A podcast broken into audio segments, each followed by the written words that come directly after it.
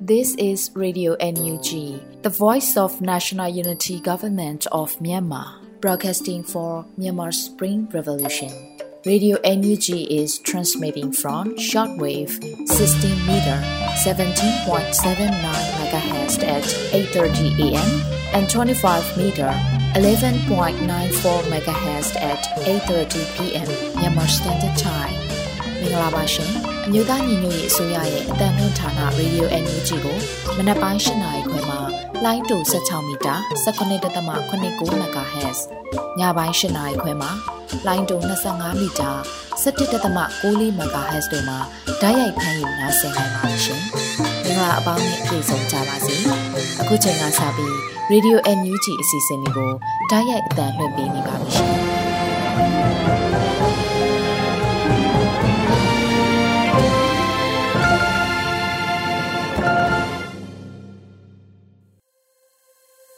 မြန်မာနိုင်ငံသူနိုင်ငံသားအပေါင်းတဘာဝဘေးစစ်အာဏာရှင်ဘေးတို့ကနေကင်းဝေးပြီးဘေးကင်းလုံခြုံကျန်းမာကြပါစေလို့ရေဒီယိုအယူဂျီအဖွဲ့သားများကဆုတောင်းမေတ္တာပို့သလိုက်ရပါတယ်ရှင်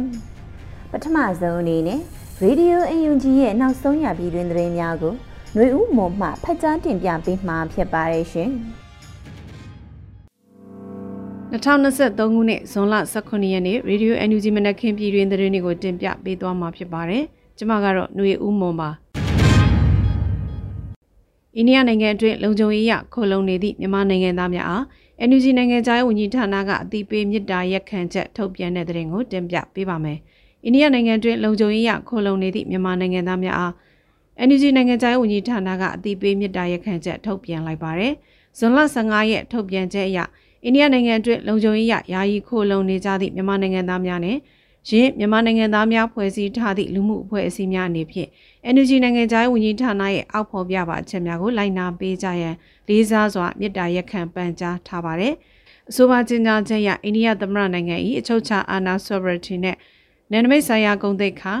territorial integrity ကိုထိပါစေသည့်ပြုမှုလှုပ်ဆောင်မှုများကိုရှောင်ကျဉ်ကြရန်မိမိတို့ရောက်ရှိခိုလုံနေထိုင်ကြသည့်ပြည်နယ်၏နိုင်ငံရေးနှင့်အုပ်ချုပ်မှုဆိုင်ရာအရေးအရာများ political and administrative matters ဥပမာနိုင်ငံရေးပါတီများ၏ရွေးကောက်ပွဲမဲဆွယ်စည်းရုံးမှုနှင့်လူမျိုးရေးအခြေပြုအခြေတင်ဖြစ်မှုများတွင်မလိုအပ်ဘဲညှိစွန်းရောရှက်မှုများမရှိစေရသတိပြုနေထိုင်ကြရန်မူရစေဝါနှင့်တော်ရိုင်းတရိစံများတရားမဝင်ရောင်းဝယ်သယ်ဆောင်မှုပြုလုပ်ခြင်းရင်းကိစ္စများတွင်ပါဝင်ပတ်သက်ခြင်းများလုံးဝမပြုလုပ်ကြရန်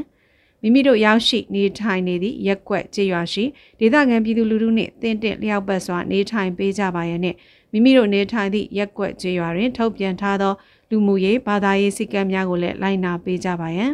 မြန်မာနိုင်ငံသားများအနေဖြင့်လူမှုရေးခက်ခဲပြဿနာများကြုံတွေ့ရပါကအနည်းဆက်ဆုံးမြန်မာလွှတ်တော်ကိုယ်စားလှယ်များလူမှုရေးဖွဲ့စည်းများမှတာဝန်ရှိသူများအားအသိပေးတိုင်ပင်ခြင်းလိုအပ်ပါကနိုင်ငံခြားရေးဝန်ကြီးဌာနနှင့်ဆက်သွယ်ဆောင်ရွက်မှုများပြုလုပ်ကြရန် မြန်မာလွှတ်တော်ကိုယ်စားလှယ်များနှင့်လူမှုအဖွဲ့အစည်းများအနေဖြင့်ဤအသေးပေးမြစ်တာရဲ့ခံချက်ကိုမိမိတို့နှင့်ဆက်ဆက်ထိတွေ့နေသောစစ်ပေးရှောင်းစခန်းများနှင့်အတိုင်ဝန်းများသို့ထပ်ဆင့်အသိပေးနိုင်မှာရဲ့မြစ်တာရဲ့ခံအပ်ပါတယ်လို့နိုင်ငံခြားရေးဝန်ကြီးဌာနကထုတ်ပြန်ထားပါတယ်ရှင်။ စီဒီအမ်များအနေဖြင့်စိတ်တမကြပဲတော်လင်းရေးပြီးဆုံးသည့်အထိလက်တွဲသွားစီလိုတယ်လို့ပြည်ထောင်စုဝန်ကြီးဒေါက်တာတူကောင်ပြောကြားတဲ့အကြောင်းအရာကိုဆက်လက်တင်ပြပေးပါမယ်။ CDM များအနေနဲ့စိတ်ဓာတ်မကြဘဲတော်လေးပြီးဆုံးသည့်အထိလက်တွဲသွားစေလိုတယ်လို့ပြည်ထောင်စုဝန်ကြီးဒေါက်တာတူကောင်ကဇွန်လ16ရက်မှာဝန်ကြီးဌာန CDM ဝန်ထမ်းများနဲ့တွေ့ဆုံခဲ့စဉ်မှာပြောကြားခဲ့ပါတယ်။ CDM ဝန်ထမ်းများသည်ဝန်ထမ်းဖြစ်အောင်စ조사ခဲ့ရင်းနှီးမြှုပ်နှံခဲ့ရခြင်းများကိုတော်လှန်ရေးအတွက်ရင်းနှီးမြှုပ်နှံခဲ့ကြခြင်းဖြစ်ကြောင်း တော်လှန်ရေးတွင်ပါဝင်သူများအနေဖြင့်မိသားစုနှင့်ဝေးကွာနေကြပါကြောင်းဘဝပေါင်းများစွာရင်းနှီးခဲ့ရသူများဖြစ်သည့်အတွက် CDM ဝန်ထမ်းအားလုံးကိုလေးစားပါကြောင်းနဲ့ယနေ့အချိန်ထိမမမမတ်ရက်တီပေးခဲ့သည့်အတွက်ကျေးဇူးတင်ရှိပါကြောင်းစီရီယမ်များအနေဖြင့်စိတ်ရမကြပဲတော်လေးပြီးဆုံးသည့်အထိလက်တွဲသွားစေလိုပါကြောင်းဝန်ကြီးကပြောပါတယ်။တရားလာတဲ့စီရီယမ်ဝန်ထမ်းများကဝန်ကြီးဌာနအနေနဲ့တရားစာတအခွန်ဒဏ်ကြေးကောက်ခံမှုများဆောင်ရွက်နေသည့်နေရာများနဲ့အခြေအနေများဖရယ်ပြည်ထောင်စုတည်ထောင်ရေးဆိုင်ရာအကြောင်းအရာ ပတ်ဝန်းကျင်ထိန်းသိမ်းရေးလုပ်ငန်းများဆောင်ရွက်မှုအခြေအနေများဝန်ထမ်းများကိုတင်နန်းပို့ချခြင်းဆိုင်ရာကိစ္စရပ်များစီရီယမ်ထောက်ပံ့ရေးဆိုင်ရာကိစ္စရပ်များကိုမေးမြန်းခဲ့ကြတဲ့ပုံမှာပြည်ထောင်စုဝန်ကြီးနဲ့တက်တော်ပတ်ဝန်းကျင်ဆိုင်ရာအတွင်းဝင်တို့ကပြန်လည်ဖြည့်ကြားခဲ့ကြပါတယ်။ပြည်ထောင်စုဝန်ကြီးနဲ့တွေ့ဆုံခြင်းအစီအစဉ်သို့ဝန်ကြီးဌာနရှိလုပ်ငန်းဦးစီးဌာနအသီးသီးမှ CDM 64ဦးတက်ရောက်ခဲ့ကြပါတယ်ရှင်။ မြမြန်မာနိုင်ငံရဲ့လက်ရှိအကြက်တဲကိုဖြည့်ရှင်းနိုင်မဲ့တခုတည်းသောနည်းလမ်းမှာဂျမ်ဘတ်စစ်တပ်ကိုဖျောက်ချပြီးမြို့သားညီညွတ်ရေးအစိုးရရဲ့ဦးဆောင်မှုနဲ့ဒီမိုကရေစီအမြန်ဆုံးပြန်လည်ဖော်ဆောင်ရေးဖြစ်တယ်လို့ဆိုလိုက်တဲ့အကြောင်းအရာကိုဆက်လက်တင်ပြပေးပါမယ်။မြန်မာနိုင်ငံရဲ့လက်ရှိအကြက်တဲကိုဖြည့်ရှင်းနိုင်မဲ့တခုတည်းသောနည်းလမ်းမှာဂျမ်ဘတ်စစ်တပ်ကိုဖျောက်ချပြီးမြို့သားညီညွတ်ရေးအစိုးရရဲ့ဦးဆောင်မှုနဲ့ဒီမိုကရေစီအမြန်ဆုံးပြန်လည်ဖော်ဆောင်ရေးဖြစ်တယ်လို့ပြည်ထောင်စုဝန်ကြီးနိုင်သူဝနာကပြောပါရယ်ဆွစ်ဇာလန်နိုင်ငံဂျီနီဗာမြို့မှာဇွန်လ23ရက်နေ့မှ16ရက်နေ့ထိကျင်းပပြုလုပ်တဲ့ The International Union of Food, Agricultural Hotel, Restaurant, Catering, Tobacco and Allied Workers Associations IUF ရဲ့9နှစ်တစ်ကြိမ်ကျင်းပတဲ့28ကြိမ်မြောက်ညီလာခံမှာအလုပ်သမားဝန်ကြီးကဆိုခဲ့ပါတယ်။မြန်မာနိုင်ငံရဲ့လက်ရှိအကြက်တဲကိုဖြည့်ရှင်းနိုင်မဲ့တခုတည်းသောနည်းလမ်းမှာဂျပန်စစ်တပ်ကိုဖျောက်ချပြီးမြို့သားညီညွတ်ရေးအစိုးရရဲ့ဦးဆောင်မှုနဲ့နိုင်ငံမှာဒီမိုကရေစီအမြန်ဆုံးပြန်လည်ဖော်ဆောင်နိုင်ရေးပဲဖြစ်ပါတယ်။ဆီယနာရှင်မြစ်ဖြဲရေးနဲ့ဖရယ်ဒီမိုကရေစီပြည်ထောင်စုတည်ဆောက်ရေးလုပ်ငန်းများအတွက် မြန်မာပြည်သူများနဲ့အတူရက်တီလျက်ရှိကြောင်းဒီ28ကြိမ်မြောက်ညီလာခံမှာချမှတ်တဲ့ IUF ရဲ့ခိုင်မာတဲ့တန်ဋိဌာန်နဲ့အတူဆက်လက်ဆောင်ရွက်မဲ့လုပ်ငန်းများကိုကြိုးဆိုကြောင်းနဲ့ပူးပေါင်းဆောင်ရွက်ရန်အသင့်ရှိကြောင်းပြောကြားလိုပါတယ်လို့ဆိုပါတယ်။2021ခုနှစ်ဖေဖော်ဝါရီလရက်နေ့မှာဂျမစစ်တပ်ဟာဒီမိုကရေစီနည်းလမ်းဖြင့်ပြည်သူရွေးချယ်တင်မြှောက်ထားတဲ့အစိုးရကောင်းဆောင်တွေကိုဖမ်းဆီးပြီးမတရားအာဏာသိမ်းမှုကြိုးပမ်းခြင်းကစလို့အလို့သမားတို့အပါအဝင်မြန်မာပြည်သူတရလုံးဆီယနာရှင်အဆုံးသက်ရေးနဲ့ ဖရယ်ဒီမိုကရေစီရေးအတွက်နီလန်ပေါင်းစုံနဲ့တော်လှန်နေတယ်လို့လည်းညီလာခံမှာဝန်ကြီးကပြောကြားခဲ့ပါတယ်ရှင်။နယ်သာလန်နိုင်ငံအမ်စတာဒမ်မြို့မှာကျင်းပတဲ့ International Conference on Emergency Medicine 2023တို့ NUG ကျန်းမာရေးဝန်ကြီးဌာနအမြဲတမ်းအတွင်းဝင်ဒေါက်တာအုတ်ကတက်ရောက်ဆွေးနွေးတဲ့တဲ့ရင်ကိုဆက်လက်တင်ပြပေးပါမယ်။နယ်သာလန်နိုင်ငံအမ်စတာဒမ်မြို့မှာ International Conference on Emergency Medicine 2023ကိုဇွန်လ23ရက်မှာကျင်းပခဲ့ပြီး Energy ကျန်းမာရေးဝန်ကြီးဌာနမြေတံအတွင်းဝင်ဒေါက်တာအောက်ကမှတက်ရောက်ခဲ့ပြီးမြန်မာနိုင်ငံရဲ့အရေးပေါ်ဆေးကုသမှုအခြေအနေများကျန်းမာရေးဆောင်ရှောက်မှုပေးနေသောကျန်းမာရေးဝန်ထမ်းများနဲ့စေယုံစေကံများအားကျန်းမာရေးအုပ်စုကအကြမ်းဖက်ဖျက်ဆီးနေတဲ့အခြေအနေများကိုရှင်းလင်းဆွေးနွေးခဲ့ပါတယ်။ခန္ဓာသို့တက်ရောက်လာကြတဲ့နိုင်ငံတကာမှရေးပေါ်ကျန်းမာရေးဆေးပညာရှင်များကမြန်မာနိုင်ငံရဲ့အခြေအနေရရက်ကိုပြန်လည်မေးမြန်းဆွေးနွေးခဲ့ကြပြီး မြန်မာနိုင်ငံ၌မြေပြင်တွင်ကျန်းမာရေးစောင့်ရှောက်မှုပေးနေသောကျန်းမာရေးဖွဲ့စည်းများထံလိုအပ်သောဆေးဝါးအထောက်ပံ့တဲ့ဤပညာအကူအညီများပေးဖို့ကူညီဆောင်ရွက်သွားမယ်လို့ဆွေးနွေးခဲ့ကြောင်းတင်ရရှိပါရရှင်။ပြည်သူ့ကာကွယ်တပ်မတော် PDF စေတက်ကမကွေးတိုင်းတွင်းရှိစိုးမိုးထိန်ချုပ်ရာတနေရာမှာ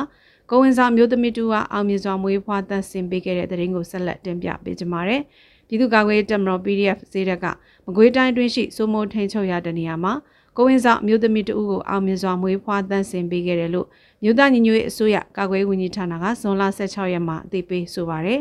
မြို့သားညီညွတ်ရေးအစိုးရကာကွယ်ရေးဝန်ကြီးဌာနပြည်သူ့ကာကွယ်ရေးတပ်မတော် PDF ရဲ့စေတပ်ဖွဲ့အနေနဲ့မိမိတို့စိုးမိုးထိန်ချုပ်ရာဒေသအတွင်းရှိပြည်သူများကိုခြေကံကျန်းမာရေးစောင့်ရှောက်မှုများပုံမှန်ပြုလုပ်ပေးလျက်ရှိပါတယ်။ဇွန်လ14ရက်နေ့ညနေ4:15မိနစ်ကမကွေးတိုင်းတွင်ရှိမိမိတို့စိုးမိုးထိန်ချုပ်ရာတနေရာမှာ ကိုဝင်ဆောင်မြို့သမီးတူအားအောင်မြင်စွာမွေးဖွားတန့်စင်ပေးခဲ့ပြီးမိခင်ရောကလေးပါကျန်းမာရေးကောင်းမွန်ပါတယ်လို့ဖော်ပြပါတယ်။မြို့သားညီညွတ်ရေးအစိုးရကာကွယ်ဝန်ကြီးဌာနပြည်သူ့ကာကွယ်တပ်မတော် PDF စစ်တပ်ဖွဲ့နဲ့ကျန်းမာရေးဝန်ကြီးဌာနရဲ့စစ်ဘက်ဆိုင်ရာဝန်ထမ်းများပူးပေါင်းကဒေသခံပြည်သူများကိုအရေးပေါ်နဲ့အခြေခံကျန်းမာရေးစောင့်ရှောက်မှုများပြုလုပ်ပေးလျက်ရှိတယ်လို့ဆိုပါတယ်ရှင်။ကလေးမြို့မှာစစ်ကောင်စီတပ်များရန်တမ်းပစ်ခတ်လို့တာစီကျေးရွာကကလေးငယ်တယောက်အသက်ဆုံးရှုံးခဲ့ရတဲ့တဲ့ရင်ကိုလည်းတင်ပြပေးပါအောင်မယ်။ ကလေးမြို့မှာစစ်ကောင်စီတပ်များရန်တမ်းပစ်ခတ်တာကြောင့်တာစီကျေးရွာကကလေးငယ်တယောက်အသက်ဆုံးရှုံးခဲ့ရတယ်လို့ကလေးမြို့ဒေသခံသတင်းအရင်းမြစ်ကဇွန်လ16ရက်မှာဆိုပါတယ်။ကလေးမြို့စစ်ကောင်စီတပ်တွေလက်နက်ကြီးရန်တမ်းပစ်ခတ်လို့တောင်ပိုင်းသားစီကျေးရွာကကလေးငယ်တယောက်အသက်ဆုံးရှုံးခဲ့ရပြီးထိခိုက်ဒဏ်ရာရသူတွေလည်းရှိကြောင်းသိရပါတယ်လို့ဆိုပါတယ်။ဇွန်လ16ရက်မှာကလေးမြို့တောင်ပိုင်းတွင်စစ်ကောင်စီတပ်များကလူနေအိမ်များကိုပါမိရှုဖျက်ဆီးခဲ့တယ်လို့သိရပါတယ်ရှင်။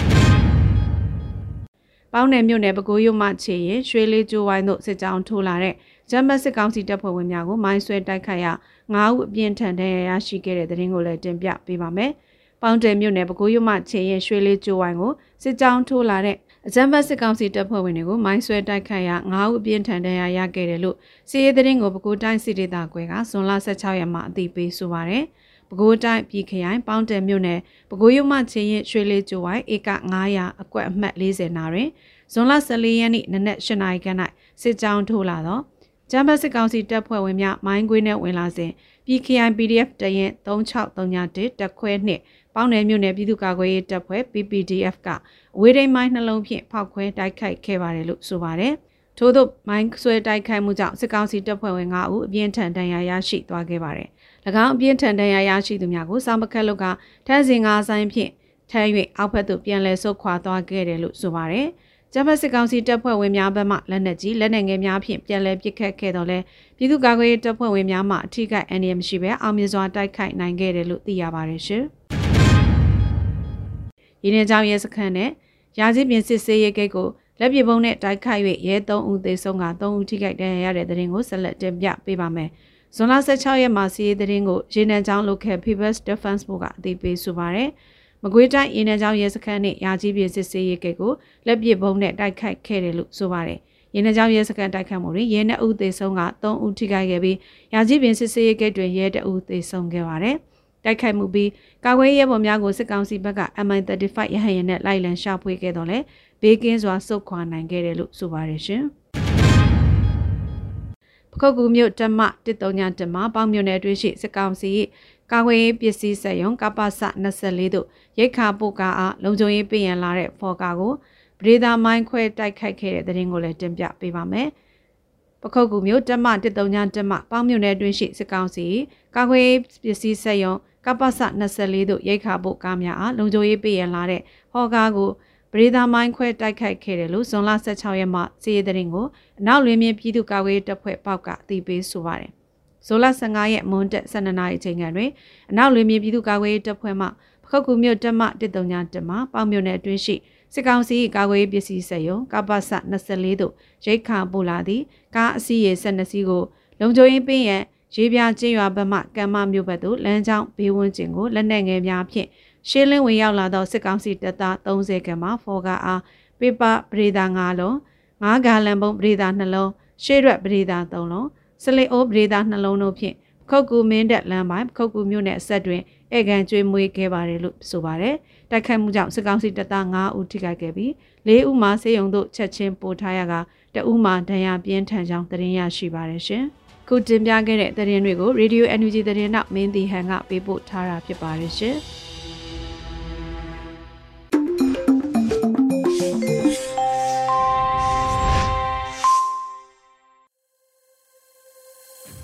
Radio UNG မှာဆက်လက်တမ်းလှည့်နေပါတယ်။အခုဆက်လက်ပြီးမူးတိမ်ရေးသားပြီးຫນွေဦးမိုးခန်းစားတင်ဆက်ထားတဲ့အမေဆိုတဲ့တော်လှန်ရေးကြပြာကို နားဆင်ကြရမှာဖြစ်ပါတယ်ရှင်။အမေအမေ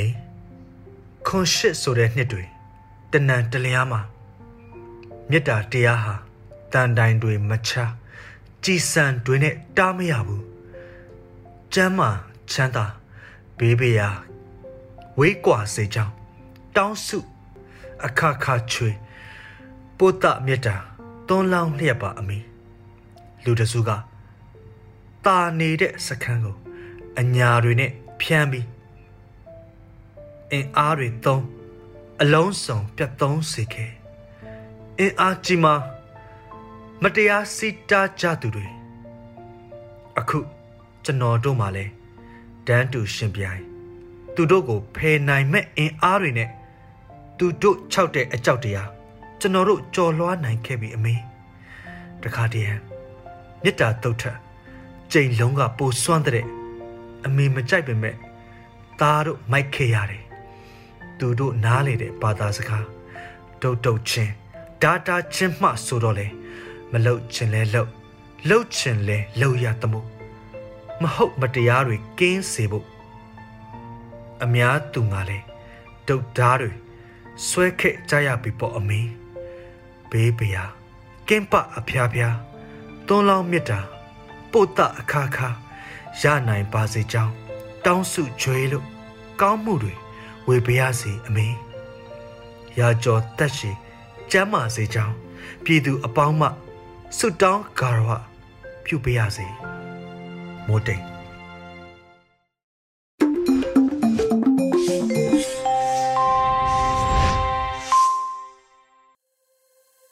ရေဒီယို UNG သောတာရှင်များရှင်အခုတဖန် PVTV ရဲ့နေ့စဉ်သတင်းများကိုရိမ့်မှတင်ဆက်ပေးမှာဖြစ်ပါတယ်ရှင်အခုချိန်ကစပြီး PVTV သတင်းတွေကိုတင်ဆက်ပေးတော့မှာပါကျွန်မရိမ့်ပါ ပထမဆုံးတင်ဆက်မဲ့သတင်းကတော့နှွေဦးတော်လှန်ရေးဂါလအတွင်းကြာဆုံးခဲ့ရသူပေါင်း3662ဝက်ထိရှိနေခဲ့ပြီလို့ AAPP ထုတ်ပြန်လိုက်တဲ့သတင်းပါအကြမ်းဖက်စစ်တပ်ကအာဏာသိမ်းပြီးတဲ့နောက်အယက်သားပြည်သူတွေကိုတပ်ဖြတ်လျက်ရှိရမှာဇွန်လ15ရက်အထိစည်ရင်းတွေအရကြာဆုံးခဲ့ရသူပေါင်း3662ဝက်ထိရှိပြီဖြစ်တယ်လို့နိုင်ငံရေးအကျဉ်းသားများကုညီဆောင်ရှောက်ရေးအသင်း AAPP ကထုတ်ပြန်လိုက်ပါတယ်။ နိုင်ငံရေးအကျဉ်းသားများကုညီဆောင်ရှောက်ရေးအသင်း AAPP ရဲ့မှတ်တမ်းပြုချက်တွေအရ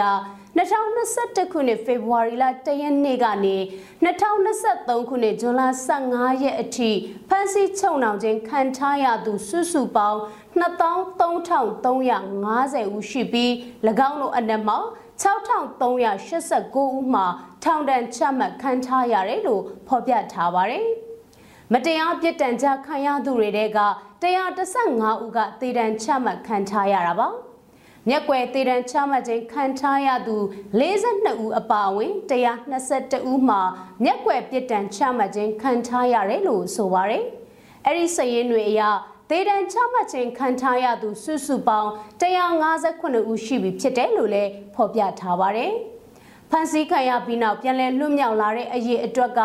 4342ဦးရှိတယ်လို့ဆိုပါတယ်။ ဖော်ပြပါကိန်းကနန်အရေးအတွက်တွေက AAPP မှကောက်ယူရရှိထားတဲ့အရေးအတွက်တွေဖြစ်ပြီးမြေပြင်မှာဖြစ်ပွားနေတဲ့အချက်လက်နဲ့ကင်ကနန်အရေးအတွက်တွေကယခုထက်ပိုမိုများပြားနိုင်တယ်လို့ဖော်ပြထားသလိုအချက်လက်တွေထပ်မံရယူလာပါကဆက်လက်ထဲသွင်းဖော်ပြသွားမယ်လို့ဆိုပါရယ် အရက်ဘက်အဖွဲ့အစည်းရဲ့ခေါင်းဆောင်တွေအရက်သားတွေတက်ကြွလှုပ်ရှားသူတွေသတင်းသမားတွေ CDM လှုပ်ရှားနေတဲ့ဝန်ထမ်းတွေစတဲ့နယ်ပယ်အသီးသီးကမြည်သူမဆိုဖန်စီထိန်သိမ်းတရားစွဲဆိုခြင်းခံထားရတာတွေနဲ့နှွေဦးတော်လိုင်းကာလအတွင်းကြာဆုံးသွားသူတွေရဲ့အချက်လက်တွေကိုသိရှိပါကနိုင်ငံရေးအကျဉ်းသားများကုညီစောင့်ရှောက်ရေးအသင်း AAPP ကိုဆက်သွယ်ဖို့လည်းဖော်ပြထားပါတယ်။ အခုတင်ဆက်ပေးမှာကရိမ့်မော်လမြိုင်လမ်းမပေါ်မှာ PDF တွေကလုံခြုံရေးအရာစစ်ဆေးမှုကိုပြည်သူတွေကကြီးကြီးဖြူဖြူလက်ခံပြီးလက်သုံးချောင်းထောင်အားပေးတဲ့တဲ့မှာမွန်ပြည်နယ်ရိမ့်မော်လမြိုင်လမ်းမပေါ်မှာ PDF တွေကလုံခြုံရေးအရာစစ်ဆေးမှုကိုပြည်သူတွေကကြီးကြီးဖြူဖြူလက်ခံပြီးလက်သုံးချောင်းထောင်အားပေးမှုတွေပြုလုပ်ခဲ့တယ်လို့ဒေသခံတွေကပြောပါရယ်လမ်းမပေါ်မှာ PDF တွေကစစ်ဆေး အစစ်ဆေးခံရတဲ့ပြည်သူကလည်းလက်သုံးချောင်းထောင်ပြီးကြည်ကြည်ဖြူဖြူအစစ်ခံတယ်ပြလို့ဒေသခံတဦးကပြောပါတယ်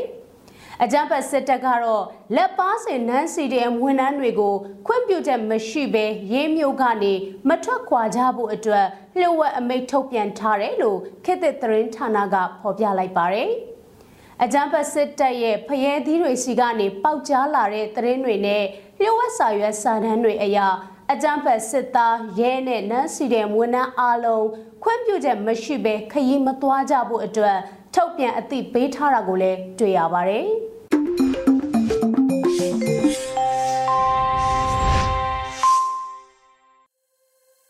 ရေဒီယို UNG မှဆက်လက်တမ်းလွှင့်နေပါတယ်။ဆက်လက်ပြီးတော်လရေးတိကိတာအစီအစဉ်အနေနဲ့ကိုဘကျော်ရေးသားပြီး ကိုဘကျော်နဲ့အဖွဲ့ကတီးဆိုထားကြတဲ့ကဘာကျော်တဲ့အမေဆိုတဲ့တခြင်းကိုခန်းစားနားဆင်ကြရမှာဖြစ်ပါတယ်ရှင်။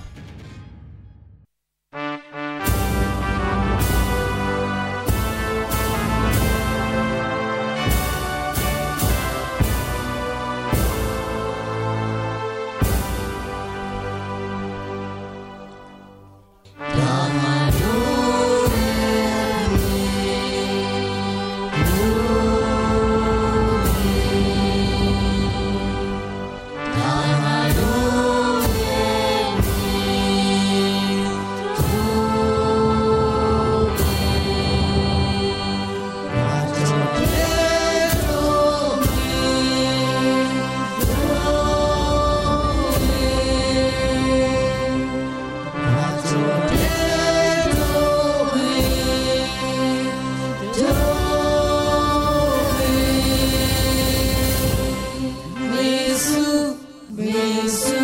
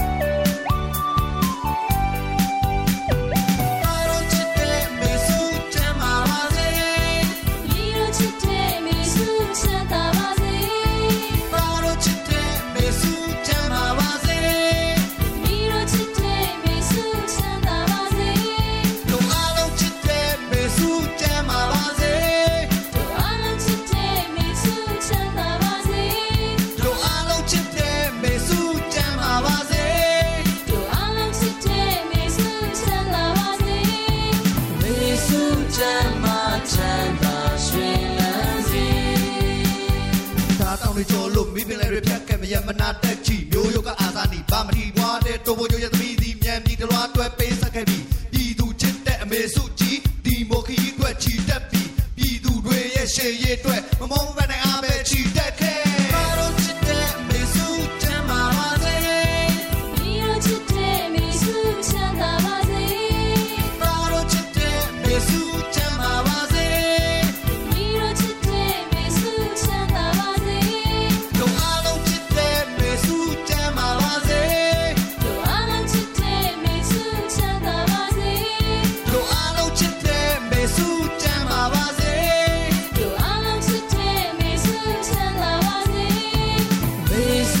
မ်းပါချမ်းသာရွှင်လန်းစေ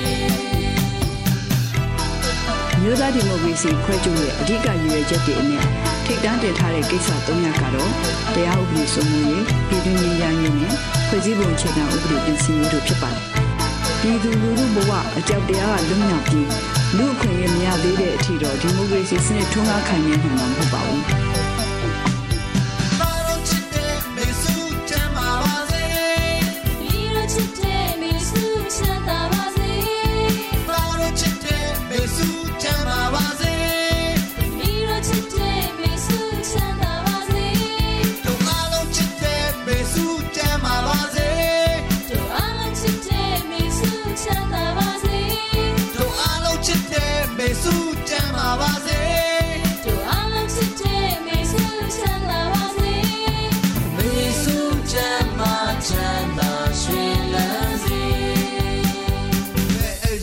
ရာ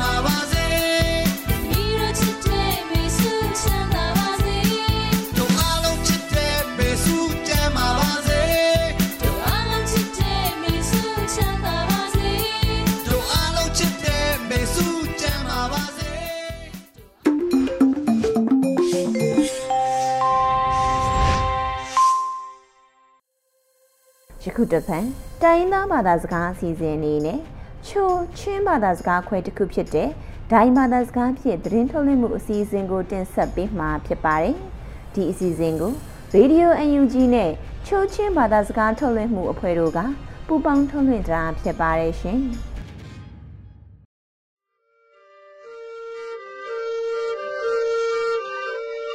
My radio thailu nang songa ki no ba be na ning ya ye na ni tungoi ka kha halik khu khun su ma tung ni hung ya ka thak tung ye sun ki dai sol hai no kaning ya thela tu khaya ka ki aksaka ctf puda cnf cne ang thoyang lui ki tilu pum huk dum solamong no pet ki tia thang ang hi na ka khu kho a im bung a thong ya phak khu thai sa sa pu no meyung anim khi u tia thang pi ngai wai ve kini อักทุมนาคาเสสังไวอัมชาสุนองซันสุจิงหัวเกียเตียทังเอเนี่ยง่ายตุแขกกินี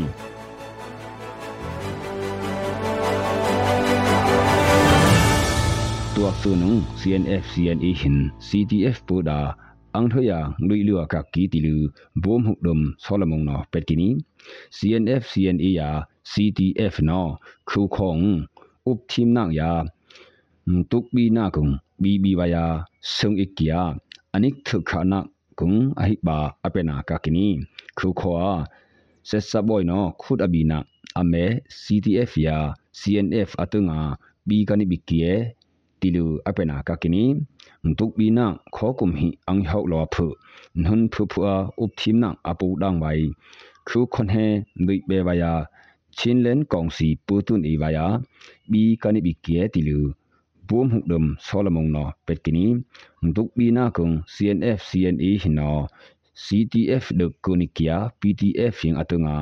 bibini atia kaki cne ya sesapua anglaka tungnak dum ilulu hakha thantala ne am tu khabya tungnak dum ilulu awang we ya thikunak pi dum dakya kakini khang sanya sesapuno ime miyung ayam khi hin angdona tok khulhoi လွန်ဟုန်ကီတီလူတီတာဖော်မြန်မာနောသံအနိပ ရ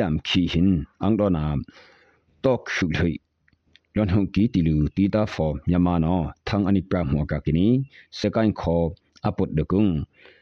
ต้มหายาทอกทุมลอกกีอนิตยากากีข้อกุมทองหิงกนึงกูยามัดบุคังตุนอีลูตัวกุมบุคาอปุยบีข้อกุมหิอมงเซซาปูนอခါငါအခါနာအဟိဘာစัญญาကီယာကကိနီတုံန ဘီမာဆွေဆွေကီခိုခွာဘီအင်ဘုံအတောင်ယာဖခခုကနုံထုံကိဗျာခုမေယုံယာစီလူစကိုင်းမကွိကောနာအခထုမနာဒုံစေကီယာကကီတုံနဘီမာဆွေဆွေကီခုကောဘီအင်ဘုံအထောင်ယာဖခခုကနုံထုံကိယာခုမေယုံယာစီလူစကိုင်းမကွိကောနုံတာ အခထုမနာဒုံစေကီယာကကီနီစကိုင်းခေါင်ဒုံ sei sei lu ma koi khong ang hi na dum sei ki ti lu ti da fo nyama no salang atang na we kya ka ki sun ko na mentally tanin dari baku kaya shan ya kayin kho pi imlung thok phru thui se sapu no me yung anim khia ka kini ni pi do khup thok kaw nga ဝ က်ကီစတိတ်ကောင်ဆယ်လာအောင်ဆန်းစုကြည်ုံဆက်စပူအပြည်ချဲဤအန်ဝိုင်အန်ဟိနဘိုချုပ်ကြီးစူထတ်အန်ဟိနဘိုချုပ်ကြီးယာပြီယာအန်ဟိနဘိုချုပ်ကြီးခင်ဇောဦးခါက်ထုံစွန်မဝကီတီလူနေပြီးတော့ထန်းလာလူ RFE နော်စာအုပ်ဟောကကနီဘုခမ်ကူယခူယာ ငေါခါအဖုံနှုပေယံအဟိနမ်ပူချုပ်အကဒမေဟင်ခုပ်ထောက်ကောင်းအစစ်ဥလူအောင်ဆန်းစုချီယုံမဟဝကီယာကကနီ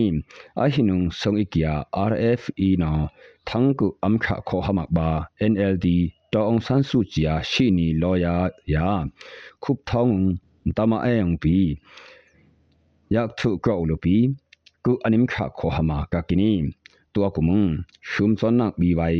တီအထောင်ဘရောက်ဖူကရလပီဆက်စပူနော်တူဝီအီကိုပရင့်ဘေခေါကီယာကကီနီ election commission da